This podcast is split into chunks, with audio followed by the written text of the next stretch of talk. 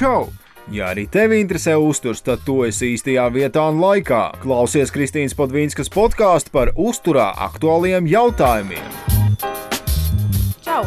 Mani sauc Kristīna Podvīnska, un reizēm šķiet, ka man ir arī trešais vārds - uzturs. Par un ap uzturu interesējos jau aptuveni piecus gadus, taču mana vēlme un vajadzība pēc zināšanām bija nerimdināma, tāpēc nolēmu iegūt maģistra grādu uzturzinātnē. Savu ikdienu pavadu spraigi un dažādi. Strādāju uzņēmumā Food Factory, kur rūpējos par to, lai cilvēki būtu laimīgi un pēduši. Un strādāju kopā ar treneriem treneru apvienībā Train to Win LV, kur palīdz sportistiem visdažādākajos uzturu jautājumos. Konsultēju arī individuālos klientus, kur stāstu, mācu, rādu, kā pareizēs. Un vēl man patīk patīk lasīt lekcijas. Un te nu es esmu arī šeit, savā podkāstā, jo gribu, lai arī jūs uzzinātu un zinātu vairāk.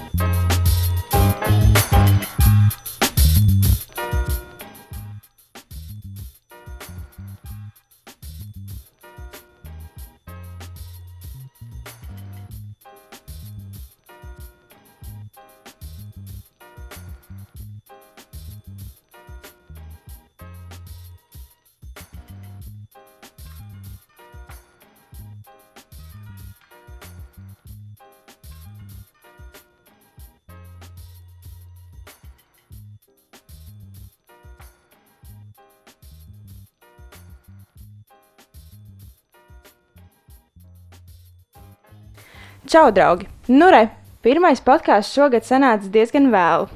Lai arī šobrīd ir šķietama pauzīte, tas nenozīmē, ka podkāstu darbība ir uz pauzes. Viss tiek aktīvi darīts, lai podkāstu veidot vēl interesantāk un foršāk jums. Plānā dažādi jaunumi, bet par tiem vēlāk. Šodien esmu aicinājusi ciemos superīgu fitnesa entuziastu pāri Ilonu un Kārli, un viņi ir viena no tiem, kas iedvesmo arī mani. Lai arī sporta veidi, ar kuriem nodarbojamies, mums ir atšķirīgi, arī Ilona un Kārlis rūpēs par to, lai jūs saņemtu vērtīgu info par to, kā ēst un sportot. Ar uh, Kārli mēs iepazināmies aptuveni pirms diviem gadiem, un mēs bijām kā potenciālie uzturu cilvēki projektā Dubultreniņš. Tu atceries kaut ko tādu? Uh, jā, mēs sākām veidot prezentāciju, vai ne? Nē, ne, nē, nē, nē, nē, tas bet... bija vēl pirms tam. Uh, neatceros. Neatceros. Kaut ko es vienkārši skatījos, jā, bija ar Kristapu Kravolu kopā mēs tur kaut ko mēģinājām darīt. Ah, es atceros, nu jā, tad laikam Edgars, Edgars bija, Vai bija Edgars, Kristaps, jā. un, un te viņi uh, prasīja lūdzu novadīt kopīgi kaut kādu lekciju vai kaut ko tādu. Jā, jā, jā, jā. jā, jā. jā. Bet, uh, nu jā, pēc tam ar pēdējo reizi mēs ar Kārlu tikāmies laikam pirms gada. Jā, cik es saka, skatījos, jā. Un, un, un gājām cauri tavai uzturu prezentācijai. Jā, to es atceros. Jā, bija tāda lieta. Nu, re, un tā palēnām, palēnām ar visādiem jokiem uh, par insulīnu. Tas tā arī turpinās, un Kārlim tagad uh, blakus ir arī Ilona. Čau, Ilona. Čau, čau, Kristīna. Kā jau es jums teicu, es negribu baigi ienirt varbūt tādās uzturu lietās, tur fitnes lietās un tā, bet es gribu ritīgi, ritīgi zināt par to, Kā jūs vispār, kā aizsākās jūsu fitnesa ceļš? Cik es saprotu, Ilona, tu jau esi bijusi sportā jau sen. Jā, jau no pašas bērnības kopā ar tēti trenējos tā kā hobija līmenī no 5-6 gadiem. Un tālāk jau diezgan nopietni ar cīņas sporta veidu nodarbojos ar kā, augstu panākumu. Gan sacensības Dānijā bija, gan Krievijā. Tad, tad braukāju apkārt un piedalījos tādās augsta līmeņa sacensībās. Un, Kārl, kā ar tevi, tu biji tāds sieriņš kādreiz? Es biju sieriņš. Uh, visu bērnību, cik es atceros, man vecāki sūtīja uz dažnu, dažādiem uh, sporta veidiem, mēģināt, uz dažādiem pulciņiem, un nekur man īsti nepatika iet. Un visur es, uh, visur es paliku kaut kādas uh, pāris nodarbības, un uh, vienīgais, kas tā ilgāk palika, bija, man liekas, ka karatē nodarbības, bet nu, tas bija 14 līdz 16 gadu vecumā, man liekas, uz diviem gadiem. Un tad bija tāda pauze, Un tad, man liekas, ka 18 gados es iesāku ar draugu iet uz sporta zāli, 18 vai 19 gados. Un tad tas bija teiksim, tā, ka vienīgais, kas tā tiešām aizrāva, un jā, kopš 18, 19 gadiem, es sāku arī nodarboties spēka treniņiem. Un tad līdz šai dienai. Milāna, kad tu sāki? Spēka treniņi man aizsākās 18 gados. Tas bija periods, kad es vēl ar vienu turpināju karatē, bet vairāk jau sāku uz viņu skatīties mazliet savādāk. Tā kā tas bija pilna kontakta, tad arī bija diezgan daudz traumas, un tas sports vairs īsti nebija labs manai veselībai, bet vairāk darīja pāri. Līdz ar to, to visu izvērtējot, es pamazām sāku iekļaut spēka treniņus, pati izmantojot sākumā YouTube pamācības mājās. Jo arī tā kā man teica sportists, man mājās bija gan svaru stieņi, gan ripas, un tad pamazām, pamazām mājās, 18 gados līdz es 19 gados izlēmu pirmo reizi iegādāties savu abonementu sporta klubā.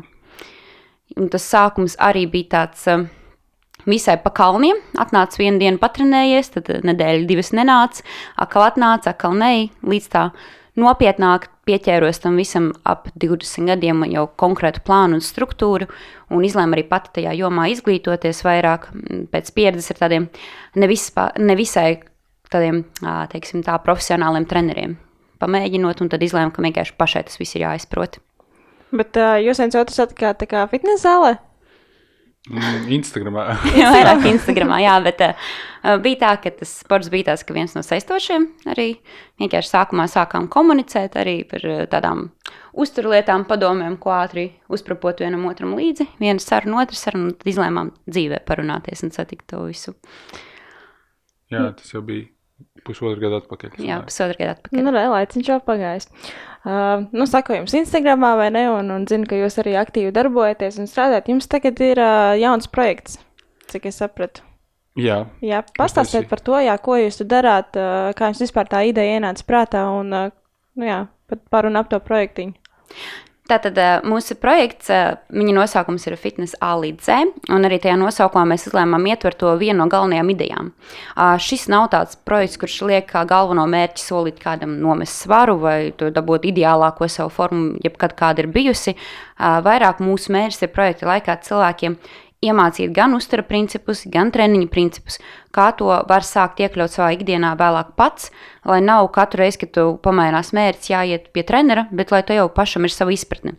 Tātad skatoties tā kā ilgtermiņā, un tā kā mēs arī runājam par uh, tiem visiem principiem, gan, pieņemsim, svara zaudēšanas, gan muskuļu masas pieaudzēšanas kontekstā, tad arī cilvēkam ir iespēja mūsu vadībā to procesu uzsākt ar mūsu jau korģējumiem. Nu, lūk, un, uh, līdz ar to jā, projekta mērķis ir tiešām cilvēks izglītot, izglītot ar tiešām pamatotu informāciju un palīdzēt to procesu uzsākt pašiem, lai jau zālē justos droši un arī veselību savu nekaitētu, bet varētu uzlabot. Nu, jā, šis mums sanāk otrais projekts jau. Uztaisījām nelielus uh, uzlabojumus no pirmā, tagad sapratām, kur mēs varētu pilnveidoties un, un, uh, jā, un tad izdomājam, kad sāksim tagad otro projektu? Jā, tie galvenie uzlabojumi ir tādi, ka mēs izlēmām, ka būs uh, biežāks kontakts ar cilvēkiem dzīvē. Jo projekta mērķi ir tā, ka cilvēki strādā pārsvarā individuāli, bet katru nedēļu mēs reizi satiekamies kopā, izējām visam cauri, kas bija grūti, kas nē, un izrunājam. Savukārt, iepriekšējā projektā tās tikšanās reizes bija retāk. Nebija reizes nedēļā, bet reizes trijās nedēļās. Tad tie labojumi ir tādi, ka mēs tiekamies vēl biežāk kopīgi. Mm -hmm, tas ir ļoti labi, manuprāt. Es pavisam nesen biju pirmo reizi uz zāli pati. Un, nu es gāju ar treneru, bet es domāju, cik daudz ir tādu cilvēku, kas ar treneri neaiziet un aiziet uz, uz savu galvu kaut ko darīt. Bet jūs arī skatāties, un kā viņi tos vingrinājumus pilda, un kas Jā, ir pareizi, kas nē. Ir ļoti daudz cilvēku, kuri grib sākt mācīties, un uh, viņiem tieši šis variants, kad uh, viņi vienu reizi nedēļā, teiksim, ar mums satiekās uz tādām kā nodarbībām, kur mēs atstrādājam visam, visiem vingrinājumiem tehniku, un pēc tam viņi mācās arī patstāvīgi pārējās reizes nedēļā iet un staigāt un, un mēģināt paši visu darīt, un tad tās reizes, kad mēs reizi nedēļā tiekamies, kalpo ļoti labi kā, teiksim, tehniskais, tehniskā izpildījumā uzlabošana. Jā, un daudziem arī ir tā satraukums par to, kā nu būsiet vienam. Līdz ar to nav tā, ka viņi vienreiz nedēļā tikai dabūna pamācības. Mēs viņiem sūtām programmas, un katram vingrinājumam pievienojam arī detalizētu mūsu filmētu vingrinājumu pamācību. No tāpat, kā mēs uzstādām trenižieru vai kā mēs kaut ko noregulējam, līdz pat visai vingrinājuma tehniskai izpildēm un visām niansēm. Un tas, kā mēs vēl to korģējam visu pārējo procesa laikā, līdz tās nedēļas beigām. Mēs lūdzam cilvēkiem, lai viņi sūta no katra treniņa video. Un tad katru treniņu, kad viņi veic viņu, mēs arī tajā pašā dienā dodam tādu kā feedbacku par to, kā viņam gāja un ko varētu palabot. Līdz ar to jā, mēs arī prasām cilvēkiem jau regulāri pašiem sūtīt video. Jo biežāk viņi to dara, jo vairāk arī viņi no mums dabūna atkal -hmm. pretī. Kas ir tās biežākās kļūdas, ko jūs esat pamanījuši, ko cilvēki dara zālē, piemēram? Nu, viena no tādām izplatītām kļūdām, ko var pamanīt, ja mēs esam regulāri zālē un redzam vienus tos pašus cilvēkus, ka viņiem nav nekāda plāna un struktūras. Katru reizi nāk un dara kaut ko uz dūlo, pat nezinu, kāpēc, kādēļ, kaut kur ir redzēts. Tas ir viena no izteiktām kļūdām. Un tālāk jau ir tehniski elementi, kad cilvēks varbūt nu, nezina tiem pamatvingrināmiem galvenās lietas, viņus nemāk noturēt savu muguru. Taisni. Viņam liekas, ka viņi ir taisni, bet īstenībā taisa ir pilnībā līku. Tad tur nezinu, nezinu mazliet kustību biomehāniku. Līdz ar to stieņas neiet tajā trajektorijā, kā vajag. Viņš šķobās, līdz ar to cilvēks pielieto kaut kādu papildus spēku, lai noturētu līdzsvaru. Nu, teiksim, tā kustības nav īsti tehniski pareizas, nav arī tik efektīvas un reizēm pat veselībai arī bīstamas. No manā pieredzē, liekas, tas secinājums ir tāds, ka cilvēki mēģina koncentrēties uz uz teiksim, 90% savas uzmanības, uz 10%, kuri dod vismazāk, teiksim, vismazāko daļu no rezultāta. Viņiem vajadzētu koncentrēt gandrīz visu savu uzmanību uz to, kas dod 90% rezultāta. Un, un mazāk varbūt sekot līdzi un mēģināt skriet pēc visiem jaunākajiem trendiem un, un visām tendencēm, kas nāk ārā. Uh, bet uh, vairāk varbūt piestrādāt pie tā, lai izveidotu sev to režīmu, tādu, kādu cilvēks var ilgtermiņā noturēt. Jo uh, cilvēki ļoti bieži viņi, teiksim, vai no ātri izdeg, vai viņiem apnīk, un tā, tā visa rezultāta atslēga jau ir tajā, kad mēs spējam to režīmu noturēt regulāri. Jo regularitāte ir pats pats svarīgākais tajā visā. Tev varbūt pat var nebūt optimālākā treniņa programma, uh, vai optimālākais uzturplāns, bet ja tu vienkārši pietiekami ilgi turpināsi to darīt un būs regularitāte, tu ātrāk vai vēlāk tāpatās to mērķi visticamākais sasniegsi. Un, um, tā treniņu programmas teiksim, efektivitāte varbūt mainīs to, cik ātrā laikā tu to mērķi sasniegsi tas, tas pats laika intervāls var atšķirties, bet tā regularitāte un tas ieradums, ko izveidos regulāri ejot, būs tas, kas tev tiešām to mērķi palīdzēs nu, patiešām arī aiziet līdz viņam.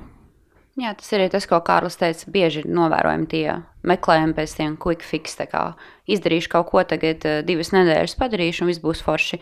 Bet realitātē tā tas nestrādā. Tam tiešām ir jābūt dzīvesveida maiņai, un to ir jāstāsta visu ilgtermiņā. Jāmeklē arī tādi ilgtermiņa mērķi, Uh, lai nav tā, ka tas ir tikai ok, es tagad dabūšu, nezinu, trīs nedēļas aiziešu, nometīšu divus kilogramus, un es varēšu atkal par to aizmest un dzīvot tālāk, kā iepriekš bija. Nu, tāda, diemžēl, nestrādā. Jā, jo, ja nebūs regularitātes, un ja tev nebūs kaut kāda veida mīlestība pret to pašu procesu, tad agrāk vai vēl tāpat atgriezīsies pie veciem ieradumiem, pie vecā dzīvesveida, un tā rezultāti arī būs tie paši, kas bija iepriekš. Tā arī ir. Jā, tas esmu ļoti bieži arī novērojis uzturā. Jums nav kaut kāda, nezinu, ka, ka klients jums atnāk un pasaka kaut ko tādu par uzturu, ka vienkārši ir tāds, ko? nu, ir gadījušies gadījumi, tā kā tāds viens no smieklīgākajiem. Tas ir tāds spilgtākais, jā. Uh, Viens no tādiem spilgtākiem ir, ka pasaka, ka viņam ir iepriekš teikts, ka nedrīkstēs tomātus. Kāpēc? Nemāku pateikt, jo iepriekš arī trenerim nejautāja. Vienkārši teica, ok, nedrīkst, nu labi, nēdam tomātus. Uh, Um, tāda arī kaut kāda visīga, ok, pilnībā, ja es gribu zaudēt svaru, tad es vispār nedrīkst lietot piena produktus. Ja man būs piena produktu uzturā, tad es nekad nezaudēšu svaru. Tas tāds arī ir bieži dzirdēts, nu, un līdzīgi arī par ogļhidrātiem. Jā, par ogļhidrātiem laikam visbiežāk. Tas, tas, tie taču paceļ insulīnu. tiek, tiek baidīti, jā, ka tie paceļ insulīnu, un tad insulīns to neļauj zaudēt taukus, un vēl visādi ķēderi. Un, un, ja tev ir insulīns zaugšana, tad uh, viss, tā kā pārējais viss ir norakstīts, teiksim tā. Dzīvē viss iet uz, uz slikto pusi. Nē, nu tas, ka ogļhidrāti ir slikti, jā, tas, tas joprojām ir tik, tik interesanti, mm. ka joprojām viņas noliek, un lai arī runā, cik grib, bet uh, tāpat. Jā, ja tu, jā. ja tu atrodi kādus divus, trīs cilvēkus, kuri mēģina tā, to paskaidrot, tad to divu, trīs cilvēku, pret tiem diviem, trīs cilvēkiem būs desmit Seši. cilvēki, kuri, kuri, uh, kuri to, to pašu ogļhidrātu fobiju mēģinās Tas attīstīt. arī ir bieži īstenībā, tagad skatoties, papētot kaut kādus arī Latvijā citas projektus, kas tieši zaudēšanas svara kā, eh, sola visiem, tad eh, parasti ir tā, ka nedrīkst pienu, nedrīkst ogļhidrātus un kategorizē kaut kādas uzturu grupas. Bet kā jums liekas, no kurienes tas vispār ir eh, atnācis līdz mums? kurš, kurš, to, kurš to sēklu ir iesējis? Nu, kāpēc tā ir? Es arī nesaprotu. Ir īstenībā grūti pateikt, varbūt kādreiz no kaut kādiem nepamatotiem nepētījumu cilvēkiem, kas ir tie saucamie brosājienas, man tā strādā, man tas palīdzēja. Kāpēc tas palīdz, es nezinu. Nu, visticamākais, ka viens cilvēks to pamēģina, viņam strādā, un viņš saka, ok, tagad tā ir vienīgā un labākā pieeja, kā kaut ko darīt, tāpēc ka man tas nostrādāja. Jā, bet tā kā varbūt nav pirms tam papētījis, kas īsti ir bijis tas īstais cēlonis, kāpēc tas viņam nostrādāja. Ne jau varbūt tie paši ogļhidrāti, ka viņš viņus atteicās no viņiem.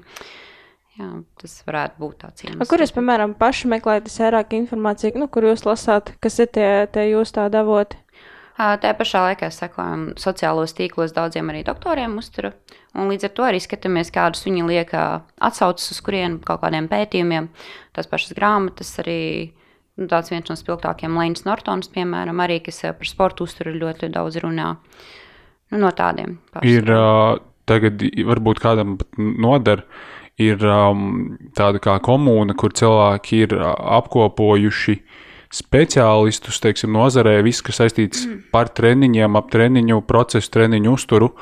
Uh, viņi sauc Stronger by Science, un uh, viņi tur regulāri katru mēnesi sanāk tiek cilvēkiem, kuriem ir uh, tāds kā abonements tajā uh, saitā, tajā komunā, tiek sūtīti uh, pētījumu apkopojumi katru mēnesi katru mēnesi par teiksim, visiem jaunākajiem pētījumiem un, un analīzēm, kuras tagad ir teiksim, par, par iepriekšējo mēnesi bijušas. Un, tā ir viena no viens ļoti, ļoti labs resurss, no, kuriem, no kurienes tos pētījumus teiksim, var skatīties. Kaut kas līdzīgs kā tāds kā elektroniskie žurnāls, kas katru mēnesi atnāk, tur viss apkopojumi un arī lejā ir atsaucas dabonams uz tiem pilniem pētījumiem. Arī tas, jā. Ok, šo es nezināju. Es arī noteikti paskatīšos, kas, kas tur labs atrodams. Bet tā, kā jums pašiem, piemēram, tajā ikdienā, nu, skaidrs, mums visiem ir 24 stundas, un laiks ir tik, cik ir, un ir darbi, un viss. Kā jums pašiem sanāk to visu sabalansēt, gan uh, normāli paēst, uh, pavingrot un visu, visu izdarīt? Tur jau tā lieta, ka nevienmēr sanāk. Nevienmēr sanāk, un man liekas, tas arī tas, ko ar visu sociālo portālu dzīvi cilvēki nevienmēr arī grib kā, parādīt, Bet nu, patiesībā ir tā, ka nevienmēr visam pietiek laiks, un tad atsevišķus teiksim, dzīves periodus tev ir jāprioritizē lietas, kurām varbūt vairāk gribi veltīt savu uzmanību un laiku, un tad būs uzreiz lietas, kuras paliks otrajā plānā. Vienkārši jāmācās un jāsaprot, kurā brīdī tev kas ir svarīgāks, un tad tu varbūt tu enerģiju vairāk vari uz to brīdi novirzīt konkrētajai lietai, sasniegt tajā lietā savu mērķi. Uh, un tad varbūt prioritizēt tālāk kaut ko citu. Piemēram, ar, ar visu to, ka mēs tur plānojam mums projektus un ar klientiem mums sanāk diezgan garas dienas. Ļoti bieži ir tā, ka arī mums pašiem nevienmēr sanāk treniņus uztaisīt tik bieži, cik gribētos, tik bieži, cik ir plānots. Un, un, jā, un galvenais ir saprast, ka nu, tas ir ok, tā dzīvē notiek, un vienkārši pēc laika varbūt var prioritizēt tālāk nākamo lietu? Mhm, tā ir. Tā kā, nav tāda, tā kā, ka tev nav laika. Tur ir tā, kam tu velti to laiku, kam tu viņu prioritizē. Arī tas, ko Kārlis minēja. Un, jā, mums arī reizēm izkrīt tie treniņi. Vienkārši tajam dotajam dzīves brīdim tas nozīmē, ok, man nav laika pieciem treniņiem, tāpēc es netrenēšos vispār. Nē, tu vienkārši iekļauj tik, cik tu vari, kaut ko citu pakoriģē un tiešām uz to skatīties mierīgi, nevis tur stresot, nosodīt sevi, ka, ok, man nesanāk tas ideālais, variants, bet arī kā iepriekš minēju, iekļaut to režīmu, ko tu vari tagad savā ikdienā iekļaut. Nevienmēr būs tas ideālais variants. Kā jums liekas, kāpēc cilvēki nesporto un kāpēc cilvēki negrib sākt ēst veselīgi? Nu, ļoti daudziem ir varbūt tāda kā bailes, nezināšana un bail iziet no savas komforta zonas, jo tajā komforta zonā tomēr ir tā nu, patīkamāk, maigāk. Nu, neviens tev nebaks, nu, ir labi, kā ir. Ļoti daudzi apzinās, ko viņi dara ne tā. Ļoti daudz zina, ka kaut kas ir jāmaina, bet uh, ir kaut kāda iekšējā tā sajūta, kas viņus uh, biedē un attur no kaut kā maiņas. Nu, tad tur parasti ir cilvēkiem lielākā, teiksim tā, tāda kā, nezinu, atruna ir, nav laika Pārstrā tās ir vienkārši atrunas. Tas nav īstais iemesls visdrīzāk, jo laiku var samanģēt. Neviens tev nesaka, ka tev dienā būtu katru dienu jāiet trenēties vismaz divreiz nedēļā, sākt kustēties, vismaz pa bišķītim. Un, ja mēs papētītu, cik mēs dienā pavadām laiku pie telefoniem, mēs pat sakrātu to, ka mēs varētu nedēļā mierīgi atļauties pat četrus treniņus aiziet. Nu, tur tā. Man liekas, ka uh, tikpat liels iemesls ir tas, ka cilvēki vienkārši tiek sabiedēti ar visu kaut ko. Tad, kad tev saka, ka tev būs jāiet veselīgāk, tas nozīmē, ka Jāizslēdz tev tur viss jāizslēdz ārā, tu to nedrīkst, tu šito nedrīkst, tu, tu principā esi tādā kā psiholoģiskā, fiziskā ieslodzījumā gandrīz vai. Un uh, viss, ko tu apēdi, ir uh, slikts gandrīz, ja tas nav rīsi ar, ar vistas filēju. Un, uh, un ļoti reti, kuri cilvēki māca to sabalansētības principu. Un tad, man liekas, arī cilvēkiem izveidojās tāds nepareizs priekšstats par to, ko tad īsti nozīmē sakārtot uzturu, ko nozīmē pielāgot uzturu savam mērķim. Un, un jā, vienkārši cilvēki negrib to darīt, jo viņi īsti neizprot, kas būs jādara varbūt. Ar šādiem gadījumiem ir īsti, īstenībā grūti ne tikai tiem cilvēkiem, kas sāk no jauna, bet īpaši arī tas ir pārsvarā redzams sievietēm, kuras jau jaunībā ir mēģinājušas vis, visādas drastiskākās diētas. Viņām bail atkal ir sākt, jo redzu, es esmu tik daudz ko pamēģinājis, man nekas nestrādā. Un tad viņām ir parasti tāds, ok, tad nemainu neko, man nekas jau nestrādā. Jā, jo arī, kad es biju jaunāka, es ļoti populāri biju vis visādas tur kefīra diētas, olu diētas un vēl vis kaut kādi visādi mistiski veidi. Un tā kā, jā, tu tiešām to pamēģini, un tad tev ir tā, ok, ja man pat šitas nepalīdz, kas tad var palīdzēt? Nu, tas ir tad, kad parasti neesi izglītos tajā Nu, jomā. ne jau sabalansēts uzturs vai ne, un fiziskās aktivitātes. Nu, nē, nē, nē tikai kefīrs. Nu, nu, jā. uh, tagad jau ir, kurš janvārs jau ir? Nu, jau jā, janvāra beigas, ne, un uh, parasti janvāra sākumā visi zāles, viss ir pilns. Jā. Ir izteikti Jā, jāredzams. un šodien man uh, viena draudzene arī tā taisīja storiju, tā kā, nu, no rīta zālē, un vispār tur pilnīgi tukšs jau ir. Kā jums liekas, nu, kāpēc? Kāpēc tā ir? Kāpēc ir tās, nezinu, piecas, piecas maģiskās janvāra dienas, kad visi ir gatavi kaut ko sākt mainīt, darīt, un tad uh, pienāk 24. janvārs, un viss ir tukšs? Tāpēc, man, nu, manuprāt, kad teiksim, janvārim tojoties, cilvēkiem ir tā ideja, viņi varbūt aizdomājas par to, kādi viņi tur ar nākamo gadu gribētu būt, visi tie mērķi, kurus viņi gribētu sasniegt, kas viss ir ļoti forši. Un, ja tas cilvēkam liek sākt kaut ko darīt, tad tas ir super, un es esmu tikai par. Bet neviens uzreiz tam pat laikā neaizdomājās par to, kas būs jādara, lai, lai to visu izdarītu. Un, ja tu plāno tikai um, teiksim, sevi redzēt jau tajā gala rezultātā, un tu neplāno pašu procesu, tad varētu būt, ka uh, tiklīdz tev pienāk laiks darīt tās lietas, um, tu neesi to gaidījis, tu neesi to gaidījis, tu ne, īsti neapzinājies, varbūt, cik daudz laiku tas paņems, cik daudz uh, pūliņus tas paņems, un, uh, un vienkārši cilvēki pamet uh, ar roku. Jā, tāpēc tāda nu, lielākā kļūda, ko tiešām ko daudz dara, ko arī iepriekš minēju, nav konkrēta plāna un struktūras. Jo, ja tu izlem, ok, es kaut ko mainīšu, tad ir jābūt plānam. Ko tu darīsi, kā tu mainīsi, cik bieži, ko tu zālē darīsi. Līdz ar to parasti arī iesaka nu, cilvēkiem, kuri grib kaut ko sākt darīt, nu, labāk ir izvēlēties kaut kādu speciālistu, kas tev palīdzēs to visgrūtāko sākuma posmu iziet cauri.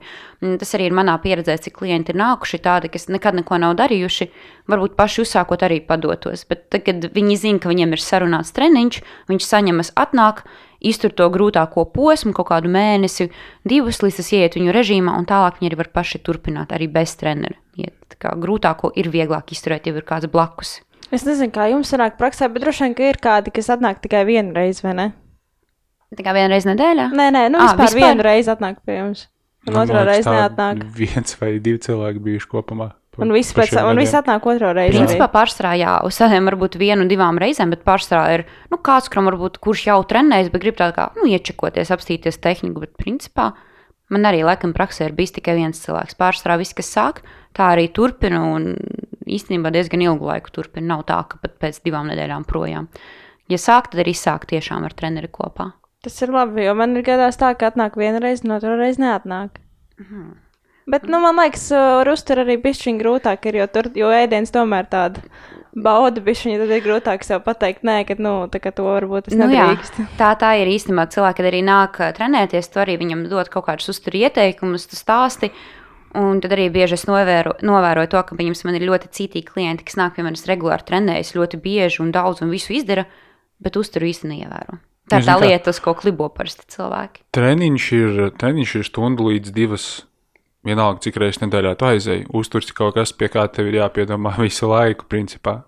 Tas prasa, manuprāt, daudz vairāk piepūli nekā vienkārši saņemties, aiziet uz vienu treniņu. Tīpaši, ja tev tur treniņš gaida un tev pašam nav jādomā, kas tev būs jādara, tad man liekas, tas daudz vieglāk. Varbūt tāpēc. Jā, varbūt tā arī ir tā īstenībā tā atbilde, ka tev uztvers tevi no rīta, pusdienās, vakarā, jā, vai jā. ne? Un tad uh, treniņu tu vari tā pagaidīt. Nu jā, jūs pavisam nesen sanāk, kad jūs atgriezāties? Uh, tieši pirms svētkiem. Tieši pirms svētkiem, jā, jūs jā. bijāt aizmē, un es ar interesi sekoju līdzi par to, kā jums tur gāja. Un uh, izskatījās, ka bija diezgan sarežģīti. Nebija tā tik vienkārši kā mums te Latvijā. Nezinu, tieši domāju par uzturu un par, par sportošanu. Ne, nav tā kā mums Latvijā aizies veikali, un tur ir uh, pilnīgi viss, ko tev vajag parasti. Bet, uh, nu jā, pastāstiet, kā jums ir tā aizmē gāja. Man jau Ilona pastāstīja kaut ko jau pirms tam. nu, Īstenībā bija tāds diezgan liels kultūras šoks, un it īpaši lielākās grūtības mums tiešām bija ar ēšanu. Jo ēšanas kultūra viņiem ir pavisam savādāka nekā mums, un arī tādā ziņā pieņemsim, kā mums, kā sportistiem, ka mēs arī cenšamies ievērot kaut ko no tās pašas sabalansētības, un mums ir jāsavāc sev dienas tās normas, pieņemsim, ar tām pašām olbaltumvielām, tad tas bija ļoti, ļoti liels izaicinājums tur. Ņemot vērā, ka viņam vēl nav pieņemts gatavot mājās, līdz ar to gandrīz visur, kur mēs dzīvojām, maksimālais, ko tu vari dabūt no virtuves, ir teikana un varbūt mikroviļņu krāsnes, un tas arī ir viss. Līdz ar to ēst gatavošana bija ļoti liels izaicinājums arī mums. Arī par ārpus mājas ēšanu arī diezgan viegli nebija.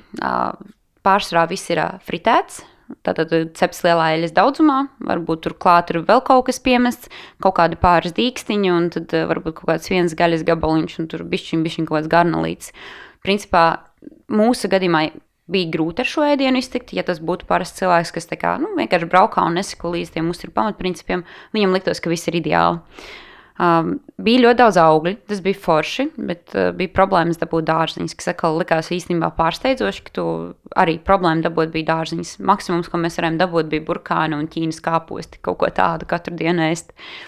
Uh, tas bija tāds arī. Nu, ļoti liela loma vēl spēlē tas, ka nu, tas laika termiņš mēs arī nebijām, vai maz mēs kopā tomēr divus mēnešus nedzīvojām. Un, ja tu brauc, teiksim, divas nedēļas atvaļinājumā, tad ir baigi super, tad tu vari par tām lietām nedomāt, viņas tev īsti pat arī uh, pat neuztrauc baigi, teiksim, īstermiņā ar viņām mēģinot sadzīvot. Bet, nu, tagad, kad tu tur dzīvo jau divus mēnešus un varbūt ilgāk, tad, tad tas ir tāds bijis lielāks izaicinājums ar, ar to visu ikdienā mēģināt atrisināt. Jā, pieņemsim to pašu, ja gribētu iegādāties gaļu vai kaut ko, nu ļoti bija jāuzmanās. Pat ja mēs pirkām kaut kādos tiešām nu, lielos lielveikalos, Tāpat tās bija risks dabūt kaut kādas vēdra graizes. Tas arī bija tāds ļoti biedējošais faktors, kā veiksmes spēle. Vai tev šodien būs labi, ka tu paēdīsi, vai tev nebūs labi.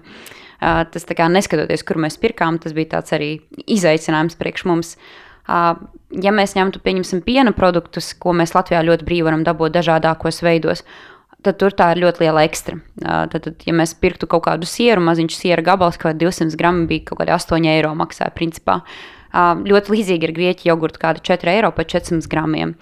Tā kā arī piena produkti tur īsti nav pieejami. Tas viss uzturs, kas ir tur, mums lika vairāk novērtēt to, kas īstenībā ir Latvijā pieejams. Kad viss saka, nu šeit jau nav labi produkti, nu bieži vien sūdzās. Īstenībā, ja mēs paskatāmies, šeit ir pieejams ļoti liels produktu klāsts un nevajadzētu nemaz sūdzēties par to. Kā viņiem tā piena kultūra vienkārši nav attīstīta? Vai, vai nav attīstīta. Viss, kas viņiem tur ir, ir uh, importa principā. Viņiem biežāk ir pieejami kaut kādi sojas produkti. Tas bija biežāk nekā piena pieejami, kaut kādi tofu ļoti daudz un kaut kas tāds, bet arī bez tādas eh, virtuves, kur mēs varam cept, un mums baigā jēga no viņa arī nebija. Tas bija arī tāds, tāds mīnus tofu viņiem ir izplatīts. To vēl varētu varbūt pirkt, un arī tie paši kaut kādi, ja pirkt kaut kādus kokteilīšus, proteīnu vai ko, nu pārsvarā viņi bija arī kaut kādi no sojas veidoti.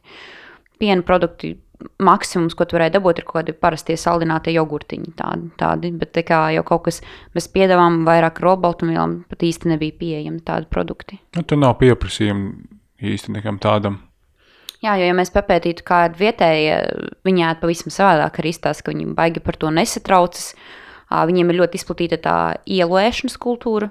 Principā ir tā, ka visu dienu nekur tur īsti nevar pāriest, tikai kaut kādos lielveikalos. Un vakarā pēc pusdienas pieciem, sešiem tur redzi, ka uz katra stūra izved ārā tādus ratiņus, kur cep un gatavo gan gaļas, gan fritē un visu. visu. Bet nu, tās ir tādas vietas, kur mēs paši neuzdrošinājāmies ēst, jo, ja tu pāri garām tiešām tādai vietējo, vietējo ēstuvei, nu, jūtot to smaržu jau pa gabalu, baigi ēst iekšā negribas iet. Vai nu tā eļļa tur ir veci jau izmantot vai ko. Nu, Tur mēs paši neriskējām iet, kur vietējie tieši Jā, pārsvarā tās vietas, kur mēs gājām, nu, varēja redzēt, ka viņas vairāk vai mazāk bija turistiem domātas. Vietējie tur arī baigi daudz nēda, izņemot tur var- varbūt pāris. Kas ir tas tāds uh, interesantākais, ko jūs tur izmēģinājāt?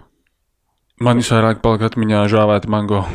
Jā, žāvēt mango. Tā bija tāda ļoti, ļoti garšīga lieta. Uh, vēl īstenībā bija ļoti garšīgs. Tas bija tāds kā deserts. Uh, sticky rice ar mango. Tad, tad ir lipīgi rīsi. Ja nemaldos, viņi bija gatavoti kokas pienā, ja nemaldos. Un klāt ar kaut kādiem maziem tādiem kā rīkstiņiem, grauzētiem un ar mango. Tiešām tas ļoti, ļoti garšīgs, bet nu, tāds pišķiņu treknis, tāds pilnīgs tās deserts bija. Tas bija forši. Mm, viņu tradicionālais ēdiens arī īstenībā bija garšīgs. Tas ir pat hai, tās ir fritētas nūdeles kopā ar sojas mērci, un tur arī varēja vai ar garnelēm, vai ar ko, un tādiem dīkstiem. Tas bija garšīgi, bet nu atkal jau baigi uz turvielām bagāts tas ēdiens gan nav. Bet nu tā pagaršot noteikti katram to vajadzētu. Bet kaut ko tādu ekstrēmāku nepamēģinājāt, ne? Nu, mēs bijām uz ielas, kur bija visādi skorpioni un visādi kāpuri, bet nu, mēs gājām viņiem pa gabalu. kā Tik ļoti ārpus komforta zonas mēs gan negājām ārā. Nu, tik pa gabalu skatījāmies. Tie, kas garšoja, vienkārši teica, ka oglīte kraukšķi un nekas baigi nav jūtams. Laikam ekstrēms nekas nebija mums. Nē, mēs tādi pavisam mierīgi. Es saprotu, cik jums cik daudz oglīdu bija līdzi uz braucienu. Man bija divas paciņas, un uh, par laimi, kad mēs bijām Dienvidu pilsētā, mums vispār viņa nevajadzēja tā kā vispār. Bet jau pirmajās nedēļās, kad mēs jau bijām ziemeļu daļā, ar to uzturu, tur interesanti bija grūtāk mums. Un tur arī viņi izgāja jau pirmajās nedēļās. Jā, tās, tās vietas, kuras vairāk ir domātas turistiem, tur arī tā tīrība bija stipri labāka. Nekā, bija viss stipri tīrāks nekā, nekā tās vietas, kuras bija, kur vairāk lokālie dzīvoja. Jo, teiksim, sākumā, kur mēs dienvidos bijām, Krabija rajonā, nu, tā, tā, tā teiksim, bija tāda ļoti izteikta vieta turistiem. Tur lokāliem, man liekas, pat gandrīz vai vispār nebija. Tikai tie, kas strādāja, tā kā pārdot turistus un brau, vadā apkārt turistus tā pārsvarā. Kas vēl viņu ēdienam ir ļoti izteikts, eh, ka viņš ir nenormālās. tā kā Man garšo asi ēdienu, bet tas bija tik asi, ka tu vari sēdēt ar sarkanu seju un žagoties. Jā, un asaras birst. un vienkārši Asaras kādas Kārlis vienkārši sēž žagot 5 minūtes un nepāriet. Tik ļoti tas bija traki, tev liekas, ka dedzina līdz pat pašām iekšām un nepāriet un nekas nepalīdz. Un tās reizes, kad mēs gājām uz vienu to pašu ēstu un katru reizi lūdzām, lai mazliet asāku taisa, Mazākās. jā, mazāk aslēt taisa, tad beigās bija tā, ka ar vēdru atkal nav labi, jo viņi laikam jau arī tās asās visas garšvielas un čili izmanto, lai bišķiņi ar baktērijām cīnītos un lai tajā gaļā tas tā nevairojas. Un līdz ko tu paprasti mazākās, tad atkal īsti vēderam nav komfortabli. Tad arī rezultāts uzreiz. Jā, jā, tādēļ arī tas bija tāds interesantais fakts, kas atkal sagādāja grūtības, lai tu paēdi un neizdedzini visu muti, un vēdram arī ir labi. Jā, bet nu, visā, visā kopumā uz, uz tādu periodu, kas varētu būt teiksim, līdz mēnesim, ir ļoti forši aizbraukt, paskatīties, piedzīvot citu kultūru, paskatīties, kā citur cilvēki dzīvo. Bet tā nu, ir jāsaprot, ja gribi braukt uz ilgāku laiku, tad ir jāsaprot, ka tev ir jābūt mierā ar visām tām lietiņām, kas varbūt nešķiet tik uh, foršas un patīkamas un viegli atrisināmas ilgtermiņā. Jā, bet pieredze kopumā bija forša arī, ja mēs ņemam vērā tos mīnus, bet tas, ko mēs redzējām un piedzīvojām, tie skati, tās tiešām pieredze bija ļoti, ļoti interesants. Noteikti tā vērts, lai aizbrauktu uz turieni. Ilona, es atceros, tu biji kaut kad ielikusi, ka viņiem tur ir sieviešu, vīriešu proteīns un vēl tur nezinu, kas. Jā, starp citu, tas arī bija ļoti interesanti, ka viņiem ir nu, veikalā parasti uztur bagātinātāju, bija atsevišķi sieviešu, vīriešu proteīns. Nu, tas tā jau arī kaut kur šeit redzēts. Bet visinteresantākais, tu vari ieiet jebkurā veikalā, pārtikas veikalā, 7-Eleven viņiem ir izplatīti, un tur ir atsevišķa sadaļa, kur ir ā, tievēršanas tējas pārdodas tajos veikalos, kaut kādas tabletītes, visādi pulverīši, tievēršanas kafijas. Tā kā gandrīz katrā veikalā, kur tu ieej, ir atsevišķs stends ar to. Es gribēju nopirkt vienkārši tēju vakarā, kumelīšu. Principā tu nevari dabūt parastu tēju, uz kuras nav uzrakstīts kaut kāds fit un kaut kas šāds. Tas viņiem atkal ir ļoti, ļoti izplatīts, kas likās arī tā interesanti, ko es īsti šeit nebiju redzējis, ka tik izplatīts tas varētu Kā būt. tur paši tie cilvēki izskatās, nu, viņi tādi. Lielāki, mazāki, viņiem vajag to visu. Principā tur cilvēki, ja mēs skatītos tā kā vidēji, viņi ir diezgan tievi slaidi un tad tiešām izstāsta labi, tādi veselīgi. Tās tieviešanas tējas noteikti Noteikti strādā. jā, jā, tā noteikti ir tā atslēga. Nē, lielākā daļa ir tāda tievāka. Protams, ir izņēmumi kā jau visur, bet ja mēs tā pastītos uz to kopējo, nu es teiktu, pārsvarā tur ir tādi bišķiņi slaidāki cilvēki, nekā mēs visur citur Eiropā redzētu. Vai nu arī tas, ka viņiem tas uzturs varbūt, nezinu, kaut kā tā kultūra, jā, viņi ēd to treknu, bet varbūt viņi ēd retāk. Grūti teikt, varbūt tie daudzumi ir savādāki. Jo, kas arī likās, mēs pat bijām pārsteigti, jo pie viņiem visi tie ne tik labi ēdieni, pieņemsim, nenormāli treknie cepumi, viņi maksā vienu paka kaut 13 centi pēc eiro. Tagad vienkārši var par 13 centiem nopirkt cepumus ļoti daudz. Tas, kā, tas bija lētāk uh, nekā normāls ēdiens. Jā. Ilona, varbūt tev vajadzēja tās taisīt tiešām pie mums atvest arī. varbūt, varbūt, ka tik man viņas neatņemta gan robežā, bet, nu, nezinu, mēs bijām nogaršojuši tās tējas, jo tā bija vienīgā tēja, ko mēs varējām dabūt. Jā. Tur bija kaut kāds kumelīši ar kaut kādu fitu uzrakstu. Nu, nezinu, garšoja ļoti īpatnēji, vai viņi nu, kaut ko deva. kilograms nos nenokrita. Nu, nenokrita, nē, nē, nē. Nu, mēs viņu dzērām katru vakaru. Tā kā jā, tā bija vienīgā tēja, ko mēs varējām dabūt to brīdi. Tur jau man liekas, ar to ēšanu un visiem procesiem pēc tam ļoti ātri var zaudēt svaru. Jā, jā. jā. Bet, nu, labi, ka jums nekas tik, tik nopietni īstenībā nebija, jo dzirdēts jau ir viss kaut kas. Nu, mums jau arī brīdināja. Cilvēki. Mums jau brīdināja, mēs jau tā centāmies ļoti, ļoti uzmanīgi tādām aizdomīgām vietām, jo tā gājām garām. Protams, nu, dabūjām arī visu savējo izciest to bišķiņu, bet uh, nenogāja tik traki, kā citiem ir bijis. Bišķiņ tā veiksmīgāk sanāca. Bet uh, kas jums bija tas galvenais mērķis, kāpēc jūs tieši izvēlējāties uz turieni braukt? Vairāk tādu kā dzīves perspektīvu varbūt iegūt. Teiksim, tas, ko es sapratu arī, cik īstenībā Latvijā mums cilvēkiem ir ļoti daudz, kas dodas, ļoti daudzas iespējas viņiem uz vietas. Piemēram, tur tā nabadzība ir tāda, ka arī cilvēki gribētu um, kaut ko sasniegt un teiksim, to dzīves kvalitāti, kāda viņiem ir uzlabot, viņiem tās iespējas varbūt nav ne uz pusi tik daudz, cik mums, jebkuram Eiropā dzīvojušam cilvēkam. Uh, tas bija teiksim, tas, tas, tas um, tāds, tāds eye-opening pieredze. Um, jā. Jā, nu, un arī pierādīt, paceļot, arī apstīties, kā ir padzīvot kādā citā vietā, un varbūt arī vairāk veltīt laiku savām lietām. Jo, pieņemsim, kā arī minējām, te, kad mēs šeit esam ļoti, ļoti ieslīgstam daudz darbos, tad ir reizēm grūti savām prioritātēm, priekš sevis izaugsmē veltīt laiku.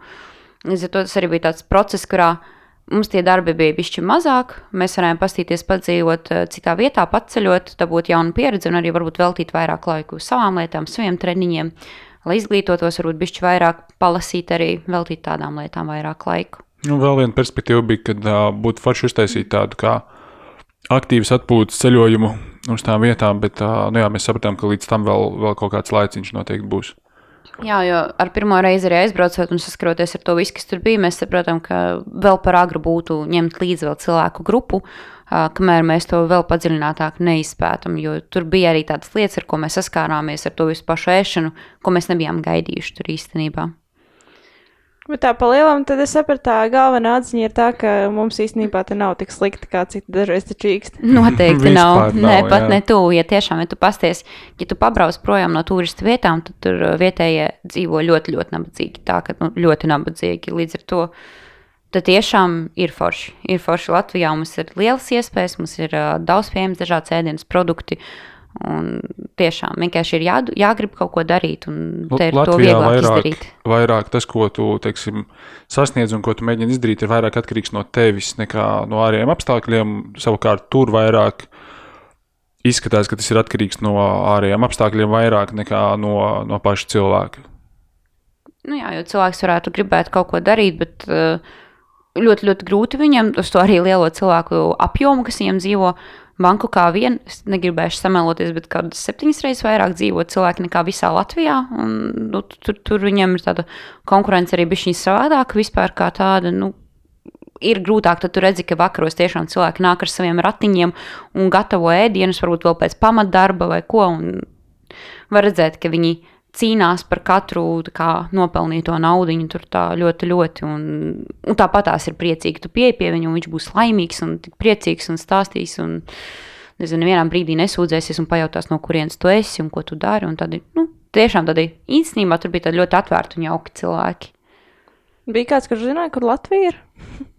Jā, tā kā mēs bijām uh, uz Bankokā, uz tādas pavisam lielās turistu pilsētas, kas bija, nu, turistu ielas, kas bija Balīšu iela. Uh, tur uzreiz bija tā, ka tevi sagaida, piedāvā kaut kur aizvest un jautā, no kurienes tu esi. Tu pasaki no Latvijas, un viņi zina, kur tas ir. Un tad smieklīgie gadījumi bija tādi, ka tev piedāvā visur izvadāt pa brīvu, visu parādīt pa brīvu, bet vienkārši viņam ir vajadzīgs pretī labs draugs Latvijā, kas palīdz viņa ģimenei ar bērniem pārvākties uz šejienu. Jā, bija arī šāds gadījums. Viņš zināja, kur ir Latvija, viņš gribēja šeit pārvākties, un viss, ko viņš to prasa, es tev visur vadāšu, bet palīdz man pārvākties uz Latviju. Jā, un zināja, kur ir Lietuva, un zināja, kur ir Igaunija. Tā kā Tādi gadījumi tikai tajā galā bija. Pārējās vietās nezināja īsti. No, jūs viņam palīdzējāt? Ja? Mēs Nu, tā laipni dzīvo. pateicām, ka mēs, uh, mums nevajag nekur braukt.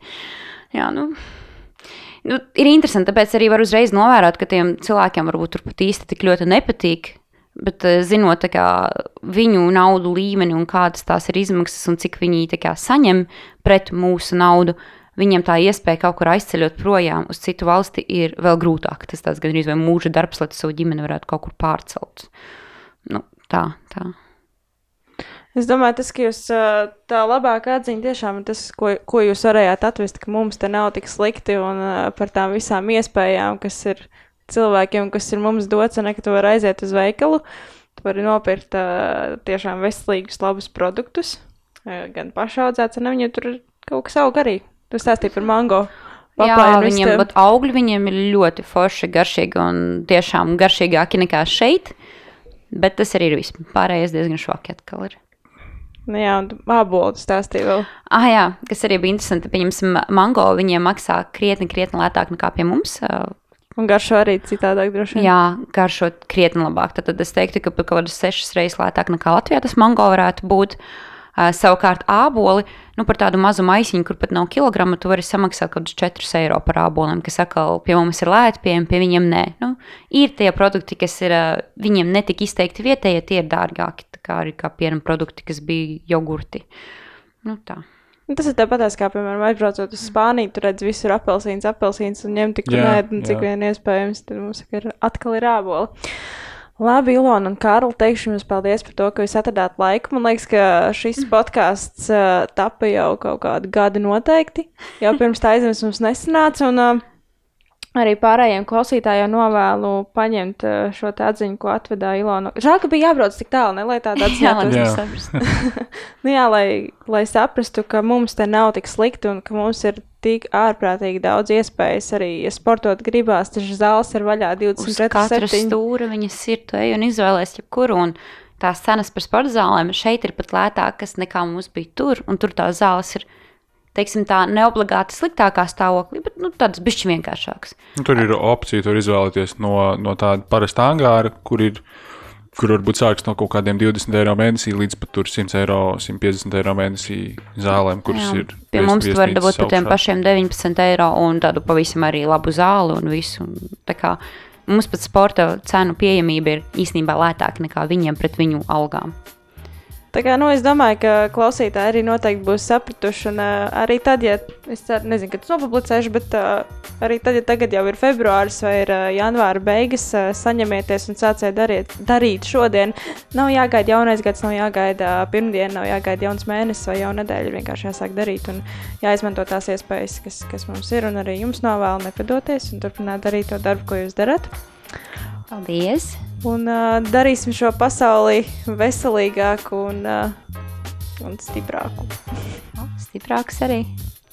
Jā, paldies! Paldies, paldies. Kristīne! Čau! Čau!